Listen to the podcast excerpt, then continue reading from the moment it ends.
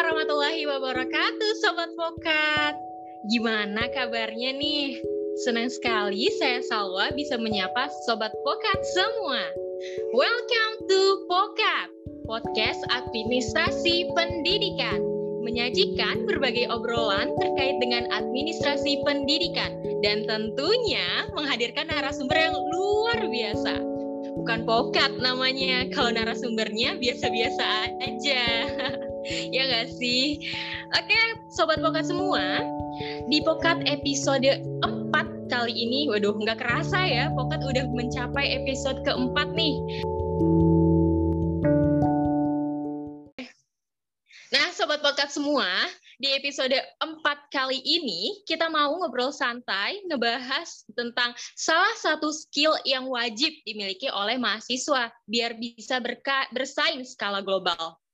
Pas banget dengan judulnya yaitu meningkatkan cara berkomunikasi mahasiswa, khususnya mahasiswa administrasi pendidikan dong ya. Oke, sobat poka semua, di sini saya mau ngingetin dulu uh, untuk itu sebelum kita mulai ke pembahasan kita pada hari ini, biar kita dan sobat pokat semua nggak ketinggalan informasi tentang administrasi pendidikan, boleh banget dong ya di follow dulu nih Instagram dari HMJ Administrasi Pendidikan di @hmjapUNP. Yuk follow-follow buruan, jangan sampai nggak follow karena nanti bakalan ketinggalan informasi-informasi penting tentang administrasi pendidikan tentunya. Oke, sobat pokat semua, ngomong-ngomong tentang narasumber yang luar biasa. Pas banget karena pada hari ini kita semua sudah bersama dengan dosen dari jurusan Administrasi Pendidikan plus praktisi langsungnya nih. Langsung aja ini dia Bapak Dr. Hanif Al-Kadri MPD. Selamat pagi Bapak. Selamat pagi, Salwayi. Gimana gimana sehat? Alhamdulillah. Bapak gimana kabarnya? Oh, sebut alhamdulillah. Alhamdulillah. Gimana Pak? Lancar Pak puasanya? Alhamdulillah. Ini udah udah hari keberapa ya? Tinggal dua hari menjelang hari uh, kemenangan ini. Iya betul sekali. Oke Pak, lagi di mana Pak? Kesibukannya apa aja nih? Biasa masih ngampus, masih ngajar online, masih beberapa kali masih ngasih materi-materi juga di beberapa kantor. Hmm. Oke, walaupun uh, di masa pandemi kayak gini tetap produktif Wajib. ya Pak ya. Harus harus lebih produktif malah. Iya, karena banyak banget peluang-peluang yang bisa kita ambil ya Pak ya. Kayak gini aja kita bisa bertemu walaupun via virtual gitu ya, ya padahal Pak. di mana-mana kan. iya, semoga kita bisa bertemu langsung lah ke depannya ya Pak. Alhamdulillah, mudah-mudahan, mudah-mudahan Juli dan Insya Allah. Amin, amin ya Allah. Sobat Pokat semua, luar biasa banget kan narasumber kita pada hari ini. Oke, sebelumnya saya mau memperkenalkan secara singkat nih tentang uh, narasumber kita pada hari ini bahwa Pak Hanif itu merupakan dosen dari jurusan Administrasi Pendidikan Fakultas Ilmu Pendidikan Universitas Negeri Padang dan juga praktisi langsung nih dari komunikasi karena diperkuat dengan ternyata Bapak Hanif ini merupakan owner dari Hanif Public Speaking. Iya yeah. Pak? promosi nih, promosi. Nah, iya dong, harus dong Pak. Betul tuh, LKP, LKP uh, Lembaga Kepelatihan dan Pendidikan. Hmm. Nah, itu uh, bisa dijelasin sedikit Pak tentang iya. LKP tersebut? Uh, nama LKP-nya LKP Sari Pengantin Indah. Jadi di dalamnya ada beberapa uh, beberapa bagian yang yang yang digarap. Salah satunya adalah public speaking. Karena dari awal memang banyak permintaan. Dulu nggak sempat, nggak sempat beberapa kali memberikan pelatihan di beberapa kantor. Nah, uh, mereka pada bilang untuk untuk uh, minta waktunya memberikan pelatihan, tapi nggak bisa saat itu. Udah udah dua tahun terakhir uh, lama kelamaan ya mikir juga. Uh, kasihan. Satu kasihan yang kedua adalah memang dari dulu saya punya keinginan untuk mendirikan sekolah public speaking. Yang di dalamnya ya bisa MC, bisa presenter, bisa penyiar radio, mendongeng macam-macam. Dan sekarang uh, lagi ada beberapa kali periode dan terakhir lagi mempersiapkan nih kerjasama dengan dengan uh, pariwisata dinas pariwisata untuk mempersiapkan salah satu dutanya untuk menjadi putri Indonesia nanti. Wah, masya Allah. Lagi proses nih. Hmm. Oke, jadi memang uh, di situ di lembaga pelatihan dan pendidikannya itu banyak banget sub-subnya. Salah satunya adalah dari komunikasi itu sendiri ya Pak. Yes, betul. Karena eh, background manusia itu ya komunikasi. Dan yeah. yang mesti diingat adalah secerdas apa pun kita, sepintar apa pun kita, dan mahasiswa misalnya bilang IP gue 4 gitu, itu nggak akan bisa dilihat orang bahwa kita itu punya IP 4.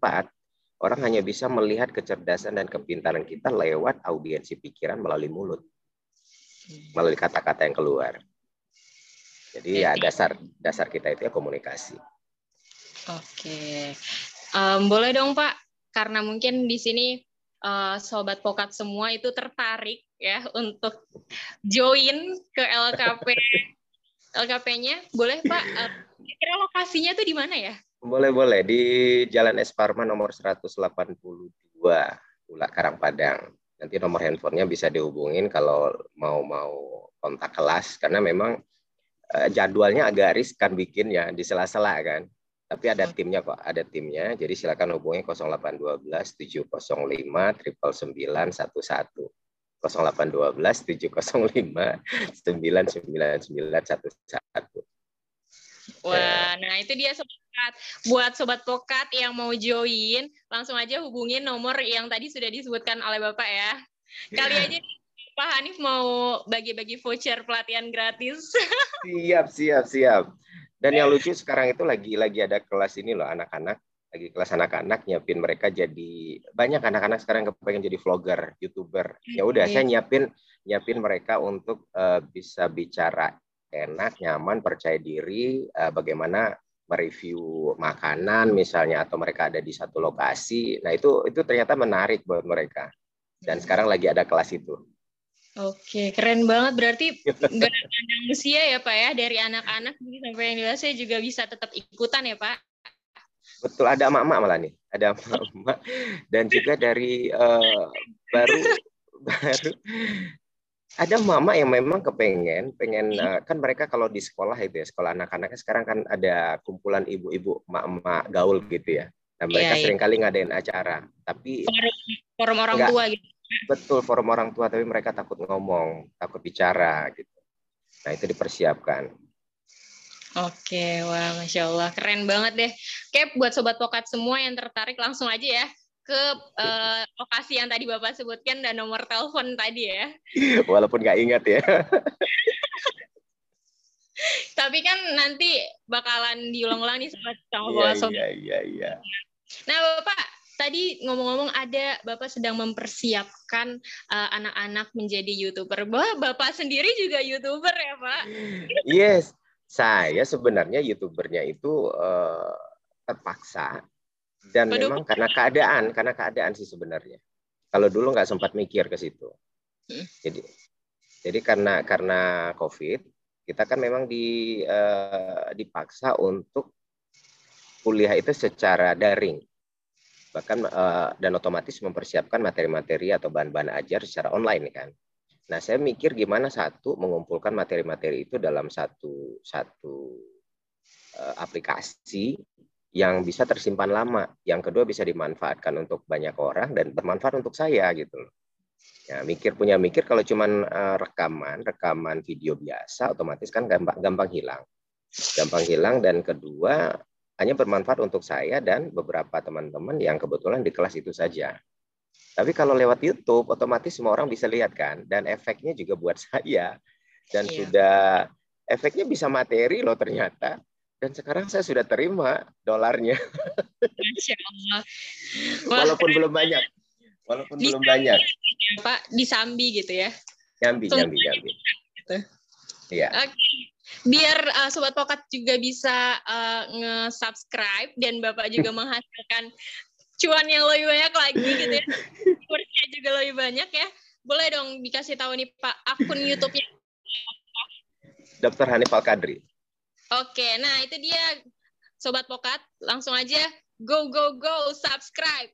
akun Dr. Hanif Al-Kadri ya. Karena banyak banget uh, materi-materi perkuliahan juga dan sharing-sharing dari uh, Bapak Hanif Al-Kadri yang bisa kita dengarkan. Oke. Okay? Wah, masya Allah, banyak sekali nih um, apa kontribusi Bapak ya dalam bidang apa pun hal tersebut karena Bapak di sini uh, dilihat bisa juga uh, berbagi ilmu yang sudah Bapak miliki dan semoga itu dapat berkelanjutan dan bermanfaat untuk kita semua. Amin. Amin. Oke Pak, balik lagi ke judul kita pada hari ini ya, ya.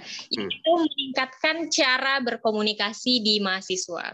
Yang seperti kita ketahui ya Pak, uh, di dalam tanda kutip tuh orang awam tuh tahu ya komunikasi tuh kayak ya ngobrol-ngobrol aja gitu, ngobrol-ngobrol biasa, kemudian uh, dengan uh, uh, menyampaikan informasi seperti itu ya, tanpa harus uh, tahu apakah uh, yang kita orang yang kita berikan informasi itu bisa paham ataupun bisa hmm. mengerti tentang apa yang kita maksud gitu ya. Jadi sebatas cuma ya saya sudah menyampaikan informasi nih gitu kan atau dalam tanda kutip yang ngobrol aja saya udah ngomong ke dia seperti itu. Nah, yang di sini yang menjadi poinnya bahwa uh, kenapa sih dalam berkomunikasi itu tuh apa pentingnya gitu untuk kita dapat memulai berkomunikasi dengan orang lain seperti itu. Oke. Okay. Uh, eh, kita ditakdirkan jadi manusia sosial kan gitu ya. Dan kita diberikan oleh uh, oleh yang kuasa satu alat yang namanya mulut untuk uh, menyampaikan segala hal yang kita ingin inginkan. Itu dimulai dari anak-anak bahkan mereka bayi yang baru lahir pun berkomunikasi. Misalnya mereka menangis. Menangis itu ada maknanya, ada komunikasi antara anak dengan si ibunya dan hanya ibunya yang paham. Karena memang uh, tangisan itu diberikan disampaikan oleh si anak kepada ibunya. Ada tangis yang menurut kita sama saja maknanya, tetapi buat anak dan ibu itu berbeda ada kalanya ketika anak nangis tiba-tiba si ibu uh, ngasih minyak angin berarti anaknya sakit perut nah si ibu bisa feelingnya dapat dia akan ngerti itu dan yang kedua ada saat ketika nangis makanan yang dikasih ini yang dikasih minuman atau susu. Atau justru pada pada kondisi-kondisi tertentu uh, ketika si bayi ini menangis yang dilakukan si ibunya adalah membuka popoknya. Ternyata dia pipis. Apalagi kita manusia-manusia yang yang berpendidikan, yang ada di struktur masyarakat, yang mau tidak mau kita berhubungan dengan banyak orang. Apa keinginan kita, kebutuhan kita, pasti hanya bisa kita dapatkan ketika kita mampu mengkomunikasikannya dengan baik. Jadi ketika ditanya kenapa, ya itu adalah kebutuhan. Mau nggak mau. Untuk untuk untuk ke orang tua saja, ketika butuh jajan misalnya, kita harus mampu mengkomunikasikannya dengan baik, bukan? Bagaimana membuat mereka merayu mereka, meyakinkan mereka, Nah, komunikasi ini disiapkan untuk itu. Jadi kalau ingin uh, tujuannya tercapai, maka lakukanlah komunikasi efektif, bagaimana meyakinkan orang lain agar mau melakukan apa yang kita inginkan. Nah, itu seni. Jadi komunikasi itu seni, seni berbicara, meyakinkan orang lain. Oke, berarti komunikasi itu merupakan sebuah kebutuhan gitu ya, Pak, karena kita Banget. semua biar kita kan nggak nggak bakalan tahu apa yang orang pengen gitu ya. Jadi ya. harus dikomunikasikan seperti itu ya. Ya dan seluruh aspek kehidupan kita butuh komunikasi bukan? Berteman dengan orang tua, dengan saudara, ketika lapar ingin membeli sesuatu, punya duit pun kalau kalau kita nggak mampu mengkomunikasikan, kita butuh orang nggak mau jual.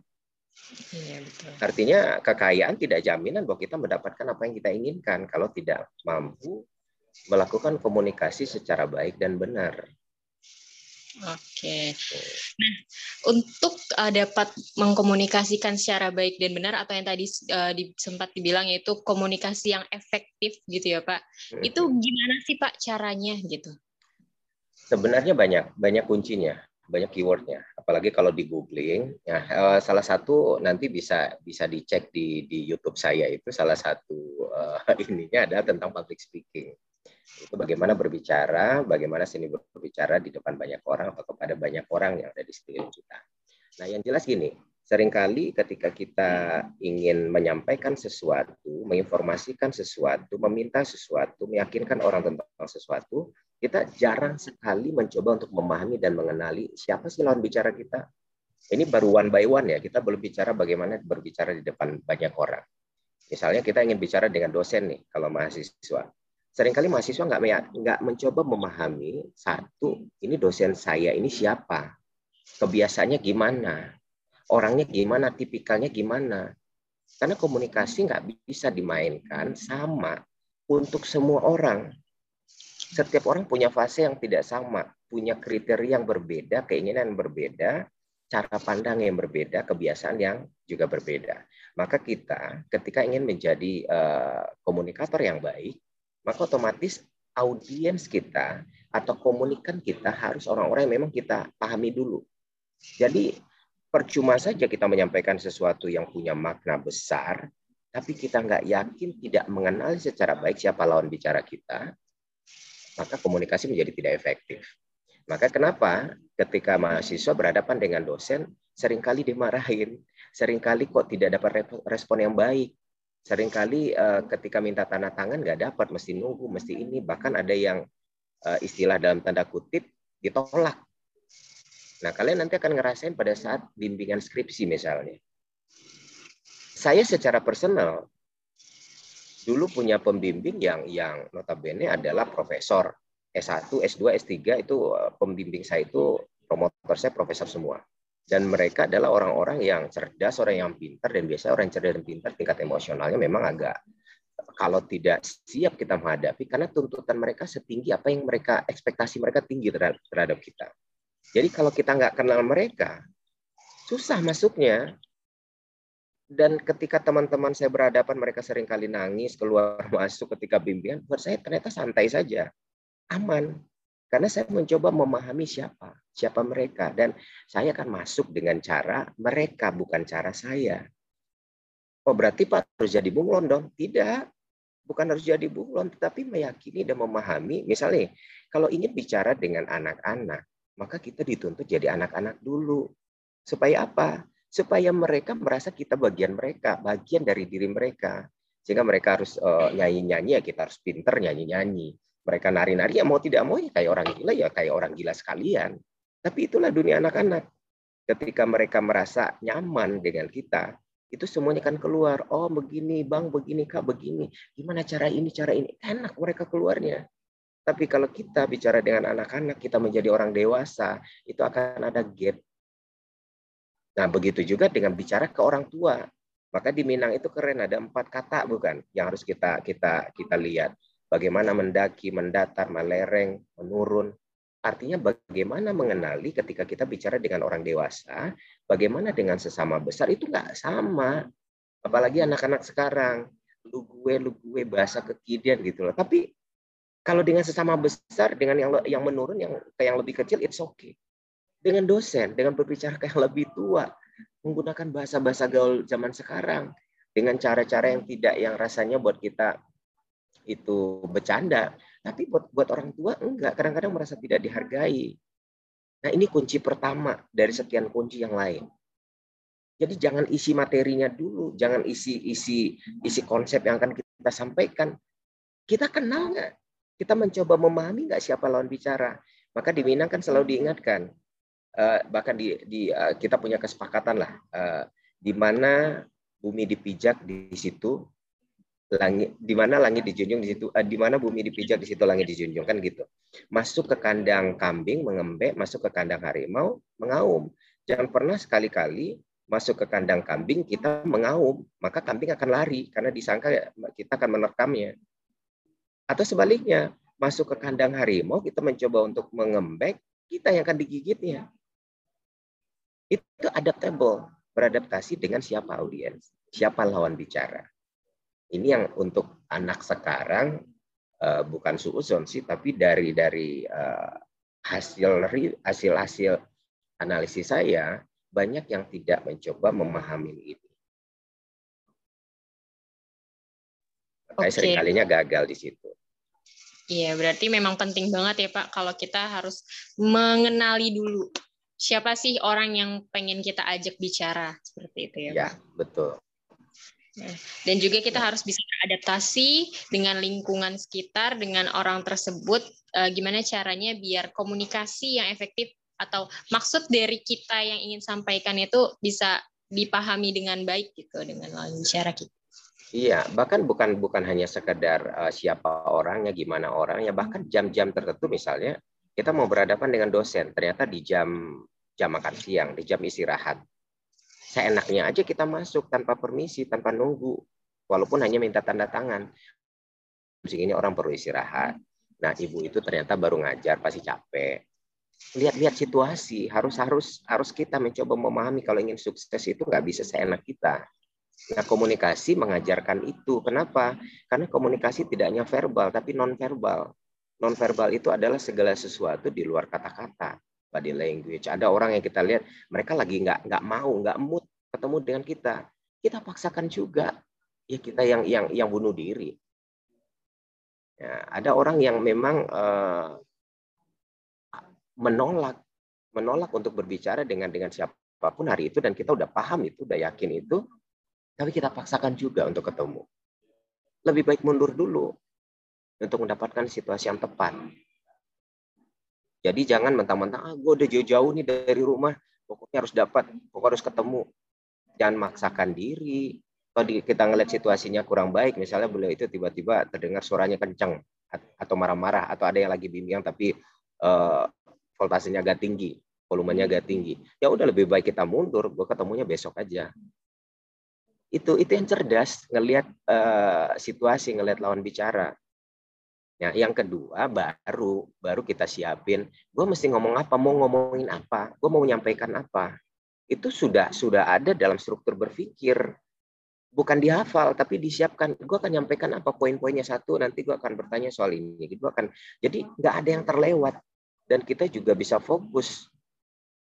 Kita nggak memakan waktu orang lain uh, terlalu banyak untuk segala sesuatu yang bertele-tele karena orang yang kita ajak bicara waktunya bukan hanya untuk kita. Nah, dan banyak sekali hal-hal yang memang mesti dipersiapkan ketika ingin sukses berbicara di depan publik atau di depan umum atau dengan seseorang atau dengan lawan bicara yang ingin kita kita kita hire gitu. Ya, berarti memang ya Pak kalau untuk komunikasi efektif ini harus ada persiapan, nggak bisa langsung ceplos-ceplos ngomong gitu ya Pak? Betul, betul. Karena takutnya salah tanggap gitu dari uh, pesan yang akan kita sampaikan gitu. Mm -hmm. Oke Pak, balik lagi nih karena ini uh, berkaitan tadi sudah disinggung sedikit tentang mahasiswa gitu ya Pak. Iya. Ya, uh, dari uh, hasil analisis saya juga kalau misalnya komunikasi ini merupakan skill gitu ya yang memang harus kita asah setiap saatnya biar menjadi kayak gini loh Pak. Pengalaman itu adalah eh pembelajar pengalaman merupakan sebuah pembelajaran. Dan itu harus kita uh, pahami bahwa komunikasi itu juga merupakan salah satu skill yang penting untuk kita menjadi sukses yang tadi seperti uh, Bapak bilang. Kalau di kalangan mahasiswa sekarang gitu ya, masih banyak uh, yang ini loh Pak.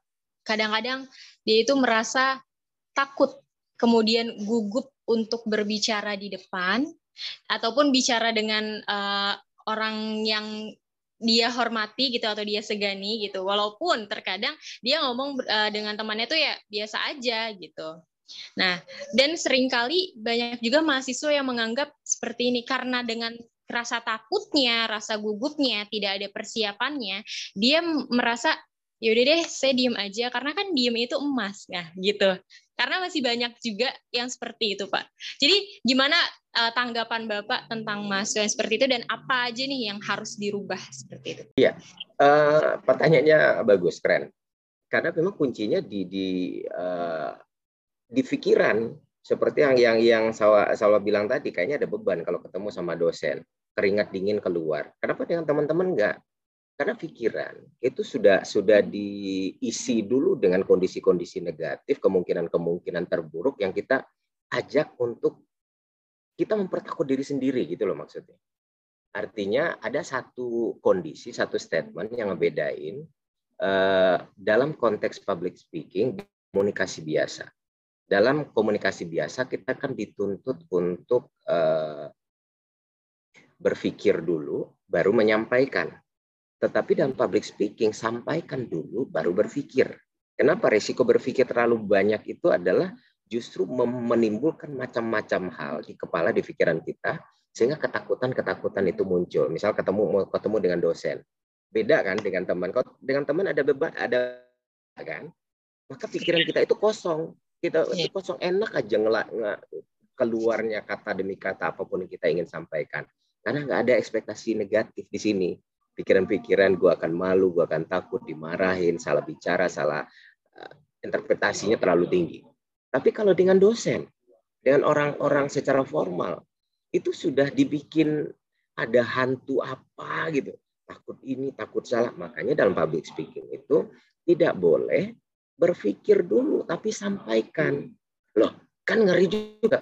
Gimana nyampaikan pada saat kita belum berpikir? Polanya dibikin terbalik kalau ingin bertanya, misalnya di kelas nih, makanya selalu kalau belajar, kalau kuliah dengan dengan saya pasti eh, tahu persis bahwa nggak boleh diam. Satu nyawa pun dalam kelas itu nggak boleh diam, harus bicara. Karena kenapa? Karena yang namanya kemampuan komunikasi itu nggak bisa tanpa latihan. Jadi di kelas itu adalah bagian dari latihan untuk akhirnya bisa mengeluarkan kata demi kata ketika ingin bicara dengan orang lain latihannya lebih enak di dalam di dalam kelas. Kenapa? Karena yang kita hadapin orang-orangnya gitu-gitu aja teman-teman kita se selevel lah. Tidak terlalu tinggi tidak terlalu rendah kita nggak perlu takut nggak perlu malu. Kita salah mereka juga pernah salah. Akan lebih baik di situ. Cuman kan mahasiswa males. Males takut ya bercampur lah. Akan lebih menakutkan gimana ketika berbicara dengan dosen? Dalam dalam forum yang namanya ujian skripsi atau wawancara kerja nanti itu yang mengerikannya, makanya latihannya adalah di kelas. Jadi merugilah orang-orang tidak melatih dirinya di kelas gitu. Nah, makanya apa? Kenapa harus berpikir? Berpikir itu dihindari dulu. Karena berpikir itu gampang. Misalkan mengajukan pertanyaan nih kayak di kelas. Yang biasa takut kan menghantui diri sendiri dulu. Nunjuknya setengah, nggak naik ke atas. Tapi nunjuk gue pengen nanya. Ada pertanyaan sih. Pertanyaannya kadang-kadang keren loh. Cuman karena malu-malu takut gimana, ya setengah. Yang dibangun dulu pikiran seandainya gue malu nanti salah gue dimarahin atau gue dipermalukan teman-teman diketawain akhirnya nggak jadi nunjuk. Padahal dalam public speaking jangan mikir dulu nunjuk dulu.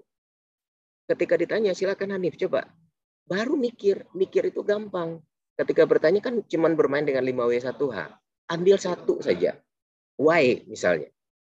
Nah, kenapa saya harus begini, Pak? Kenapa komunikasi itu memberikan pengaruh pada eksistensi kita sebagai manusia di tengah masyarakat? Misal gitu. Artinya, dilatih dengan pola yang terbalik daripada kondisi biasa.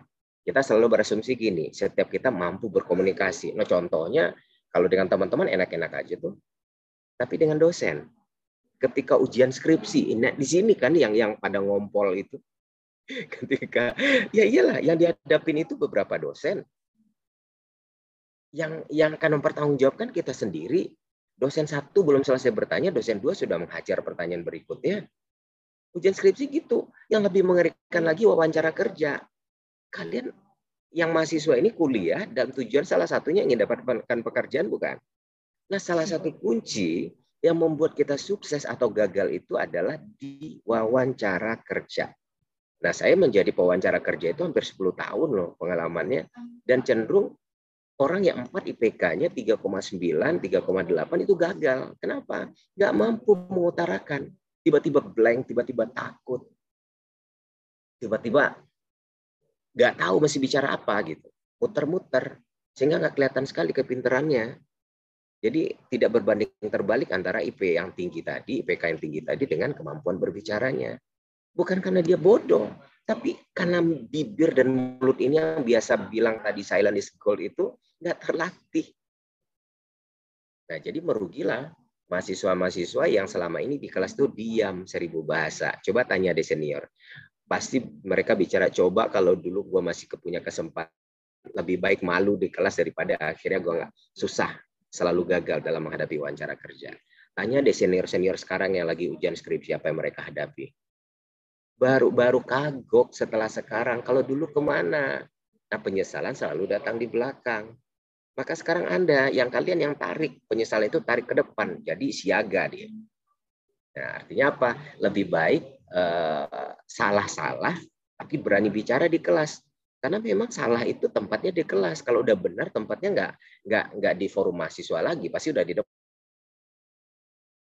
sedangkan yang ngajar aja masih bisa sering salah kok. Nah, ada juga orang yang berasumsi gini, kita dengan kemampuan berkomunikasi kok. Nah, buktinya apa?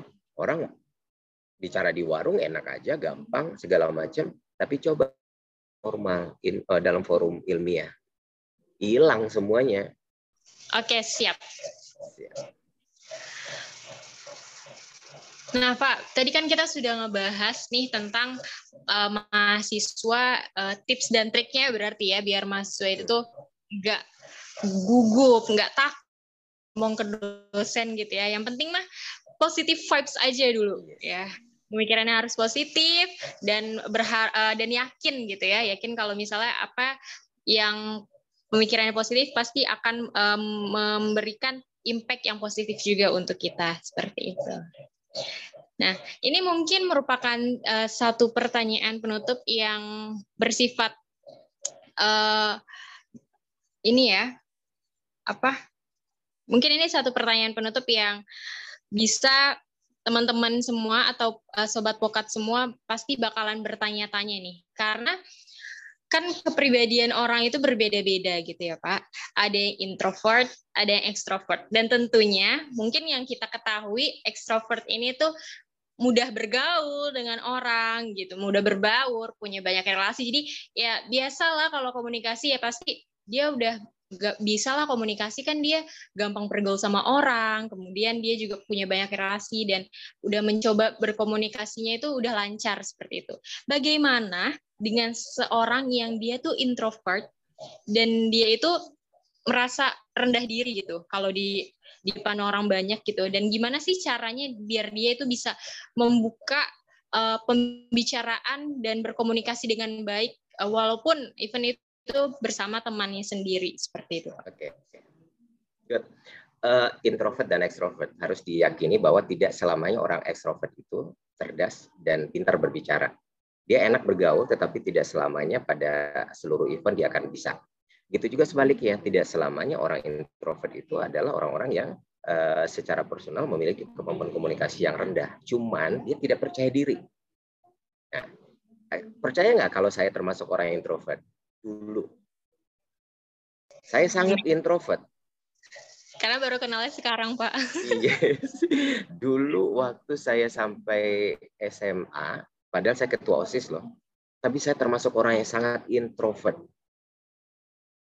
Kenapa? Untuk berbicara dengan seseorang di sebelah saya, apalagi orang baru, saya lebih baik diam. Malu, takut, ini segala macam itu muncul. Keringetan bahkan ketemu dengan cewek misalnya kalau dulu zaman-zaman kita masih saya masih muda sama dengan kalian saat ini itu kalau ketemu dengan lawan jenis ini kayaknya keren nih untuk ngobrol untuk jadi jalin silaturahmi gitu ya. Berkali-kali menyesalnya kenapa? Setelah uh, yang di sebelah saya pergi, misalnya lagi di bandara, lagi di kereta misalnya, kepengen kenalan, ngajak ngobrol aja sepanjang jalan kan lebih enak gitu ya. Walaupun nggak ada tujuan dalam tanda kutip yang macam-macam, tapi paling tidak bangun silaturahmi baru. Tapi selalu gagal untuk aduh untuk kenalan aja. Tapi kalau mereka udah pergi ih, bodohnya bodohnya bodoh. Nyeselin diri. Nah saya sangat uh, itu di bagian introvert itu dulu. Tapi saya yakin saya bukan orang yang tidak bisa berbicara. Maka saya saya menggarisbawahi tidak selamanya orang introvert itu adalah orang-orang yang memiliki kemampuan berbicara rendah.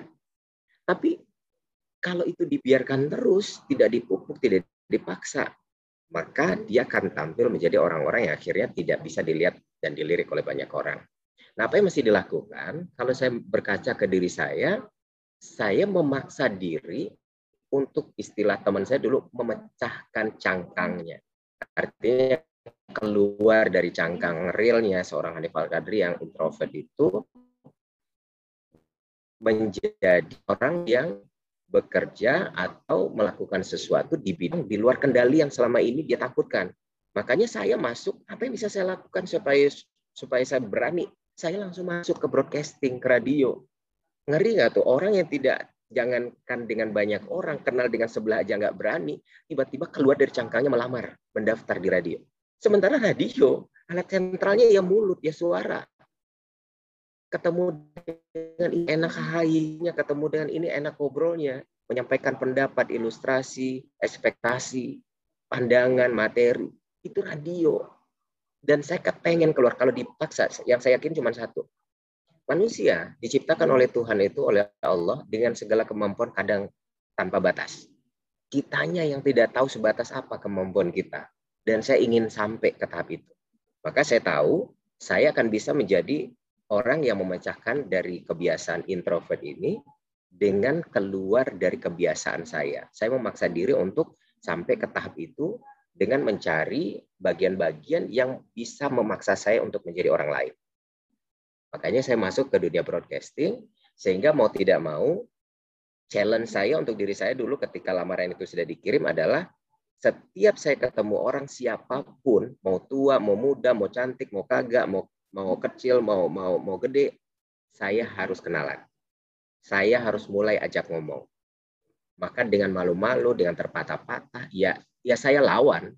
Maksudnya kalau toh harus mempermalukan diri sendiri kan cuman yang tahu dia doang nggak banyak orang kan. Dan yang saya jamin sekarang adalah saya bangun dalam pikiran saya tidak satu pun manusia yang mati di dunia ini ketika berbicara di depan publik, ketika berkomunikasi dengan orang lain. Maka itu yang saya hantam. Jadi orang introvert bisa keluar dari itu hanya dengan untuk dirinya memaksa dirinya untuk bisa masuk ke wilayah yang sebenarnya selama ini dia takutkan. Itu kalau memang dia punya kekuatan. Kalau tidak, dia harus mencari teman. Salah satu teman orang-orang yang memang secara secara kedekatan emosional adalah orang yang berani menyampaikan. Memaksa dia, meyakinkan dia. Jadi melalui dia itulah kita bisa berubah. Ya, selama ini saya nggak nggak pernah pergi ke ke tempat-tempat keramaian. Introvert kan gitu, jarang dan takut ke tempat keramaian. Saya paksa, saya challenge diri saya. Satu, kenalan dengan siapa pun yang saya ketemu. Dan kedua, tempat-tempat yang selama ini saya takutkan saya datangin. Akhirnya beginilah. Tapi butuh waktu emang setahun waktu itu. Setahun untuk merubah itu. Tapi nggak ada kata tidak bisa. Oke, wah keren banget sih. Berarti uh, Pak Hanif uh, melakukan sebuah uh, transisi ya, yang cukup banget. besar dampaknya ini sekarang berasa banget ya Pak. Iya. Siapa yang nyangka? Siapa yang nyangka kalau ternyata perubahan itu tidak saya lakukan dulu, saya nggak mungkin bisa jadi dosen kan? Iya. Karena dosen kan menjelaskan juga dan berkomunikasi juga ya Pak. Banget. Oke, jadi nah tuh sobat wokat, jadi jangan insecure ya kalau misal sobat wokat tuh ada yang introvert dan merasa kayak takut buat ngomong sama orang. Nah, ini udah dikasih nih tipsnya sama Bapak Dr. Hanif Al-Kadri, MPD, yang mempunyai YouTube akun Dr. Hanif Al-Kadri ya. Jadi jangan takut dan jangan merasa insecure bahwa uh, kita bisa kok, masih bisa kok mengasah skill komunikasi kita gitu. Nggak ada ya. kata terlambat ya, Pak. Banget. Ya, jadi selalu pokoknya intinya selalu diasah pisau aja kalau diasah semakin tajam gitu ya. Benar. Oke. Okay. Nah. Jadi latihan, latihan, latihan terus. Ya. Oke. Okay. Jadi practice makes perfect ya Pak. Yes. Setuju. Nah, oke okay, buat sobat pokat semua, gimana nih pembahasan kita pada hari ini menarik banget kan? Karena pasti banyak permasalahan-permasalahan yang relate sama sobat pokat semua. Mungkin sobat pokat semua pengen bertanya tapi nggak tahu nih nanyanya sama siapa gitu ya. Dan alhamdulillah beruntung sekali untuk sobat pokat semua yang dapat mendengarkan podcast kita pada hari ini karena banyak sekali ilmu-ilmu yang dapat kita gali dan pertanyaan-pertanyaannya itu juga sudah terjawab oleh praktisi kita yang handal banget dan expert banget. Tepuk tangan dibikin. Oke, okay, baik uh, Bapak Hanif uh, dapat uh, sawa uh, garis bawahi ya bahwa memang pentingnya komunikasi ini merupakan suatu hal yang sangat krusial apalagi kita uh, berhubungan dengan orang banyak gitu ya dan public speaking itu merupakan hal yang penting banget gitu ya Pak. Mungkin untuk uh, penutupan di hari ini ya boleh dong kita minta closing statement dulu dari Bapak Hanif untuk sobat pokat semuanya yang pastinya sudah merasa lega pertanyaan-pertanyaan yang unek-uneknya gitu ya itu udah terjawab semuanya sama Bapak. Silahkan Bapak. Oke. uh, harus diyakini dan dipercaya bahwa Allah itu menakdirkan kita menjadi manusia dalam konteks sosial. Artinya Allah punya uh, keinginan agar kita berkembang menjadi manusia-manusia yang yang bisa memberikan manfaat untuk orang lain. Manfaat itu bisa dilakukan melalui komunikasi, apakah sifatnya verbal atau non verbal. Jadi kalau ingin menjadi manusia-manusia bermanfaat, maka harus dilatih energi dan alat yang diberikan Allah yang namanya mulut, pikiran, dan badan ini untuk kemudian dikendalikan melalui coding-coding uh, tertentu yang memberikan makna pada orang lain di sekitar kita. Yang perlu diingat adalah tidak ada manusia yang tidak bisa berkomunikasi secara baik, hanya niat dan latihan untuk menjadi seorang komunikator yang handal. Yang harus dilakukan adalah pahami siapa lawan bicara Anda, siapkan materi yang ingin disampaikan, yakinkan diri Anda bahwa Anda ingin memberikan sesuatu, tidak hanya untuk diri sendiri, tapi juga manfaat untuk orang yang ada di sekitar Anda. Oke, Nah, itu dia sobat pokat semua pembahasan kita pada hari ini. Saat Terima kasih kepada Bapak Hanif Al-Kadri yang sudah dapat sharing dengan kita semua dan bisa menjawab pertanyaan-pertanyaan yang ada tadi yang itu berdasarkan kehidupan uh, relate ya, relate dengan kehidupan uh, sobat pokat semua seperti itu. Nah, sobat pokat, itu dia pembahasan kita pada hari ini. Semoga bisa bermanfaat dan terus asah skill komunikasi kamu biar kamu nggak bakalan merasa rugi nantinya ya. Oke baik sobat pokat semua untuk Pokat hari ini kita sampai sini dulu dan masih banyak tema-tema dan judul-judul menarik lagi di pokat-pokat selanjutnya.